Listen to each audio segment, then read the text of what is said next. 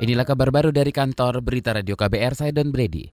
Ledakan dugaan bom bunuh diri yang terjadi di markas Komando Polrestabes Medan, Sumatera Utara pagi tadi menyisakan kepanikan bagi Lila Mayasari. Warga Kelurahan Sidorejo, Kecamatan Medan Tembung itu mengatakan saat ledakan terjadi, ia sedang menunggu antrian mengambil surat keterangan catatan kepolisian atau SKCK panik lah bang kayak terangkat gitu tanahnya kan meledak namanya juga bom meledak posisinya ya. di mana Posisi saya pas lagi ya pas di dekat situ Oh, dekat, itu dekat parkiran ya? Iya, ah, dekat parkiran mobil yang besar itu kan, mobil polisi yang besar itu kan. Saya tempat mengambil SKCK-nya lagi nunggu. Warga Medan Tembung di Lamayasari mengaku saat ledakan terjadi ia melihat kepulan asap putih membumbung tinggi menyusul suara ledakan bom yang terdengar cukup keras. Sebelumnya ledakan diduga bom bunuh diri itu mengakibatkan satu orang terduga pelaku tewas di tempat sementara lima personel kepolisian dan seorang warga terluka akibat ledakan. Akses jalan HM Said di depan Mako Polrestabes Medan saat ini ditutup dan dijaga ketat petugas kepolisian. Presiden Joko Widodo membela Gubernur DKI Jakarta Anies Baswedan soal rancangan anggaran dan belanja daerah APBD di ibu kota yang memuat sejumlah kejanggalan. Jokowi menilai wajar ketidaktelitian Anies dalam melihat rencana belanja, apalagi rincian anggaran pada APBD DKI itu memang mencapai puluhan ribu.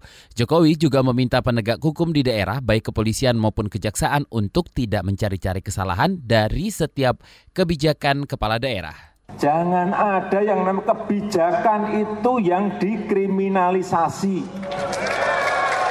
Dicari-cari. Kalau tidak ada mensrea, tidak ada niat jahatnya, ya jangan dicari-cari dong. Saya berikan contoh misalnya di DKI. Yang namanya mata anggaran itu 57 ribu. Mata anggaran. Ya kalau ada yang keliru 1, 2, 3, segera cepat diingatkan Gak mungkin ngontrol segitu banyak kegiatan, gak mungkin seorang gubernur, seorang bupati, seorang wali kota. Pembelaan untuk Gubernur DKI Anies Baswedan itu disampaikan Jokowi hari ini saat membuka Rakornas Pemerintah Pusat dan Forum Koordinasi Pimpinan Daerah di Sentul, Bogor, Jawa Barat. Sebelumnya dalam penyusunan APBD pemerintah DKI Jakarta disorot karena memuat sejumlah belanja janggal. Misalnya pembelian lem IK Aibon 82 miliar rupiah dan pulpen untuk siswa SD senilai 123 miliar rupiah. Anggaran belanja janggal itu terjadi di pengadaan suku Dinas Pendidikan Jakarta Barat. Saudara KPK memanggil Wakil Gubernur Lampung Husnunia Kalim terkait kasus dugaan suap pengadaan barang dan jasa di lingkungan Pemkat Lampung Tengah tahun anggaran 2018.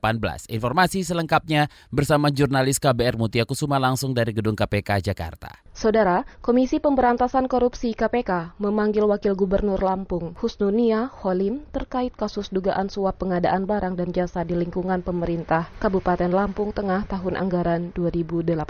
Juru bicara KPK dalam Diksa mengatakan, Wagub Husnunia yang juga bekas gubernur Lampung itu diperiksa dengan kapasitasnya sebagai saksi untuk tersangka bekas Bupati Lampung Tengah, Mustafa. Sebelumnya, penyidik KPK telah melakukan pemeriksaan terhadap bekas Wakil Bupati Lampung Tengah, Sri Widodo. Penyidik mendalami Sri Widodo terkait biaya pencalonan Mustafa untuk maju pada pemilihan Gubernur Lampung tahun 2018 melalui Partai Hanura. Dalam perkara ini, lembaga anti rasuah telah menetapkan Mustafa sebagai tersangka karena diduga menerima gratifikasi sebesar 95 miliar rupiah. KPK menduga fee sebesar 10 hingga 20 persen telah diterima oleh tersangka Mustafa. Demikian dari Gedung Merah Putih KPK Mutia Kusuma untuk KBR. Demikian kabar baru dari kantor Berita Radio KBR, saya Dun Brady.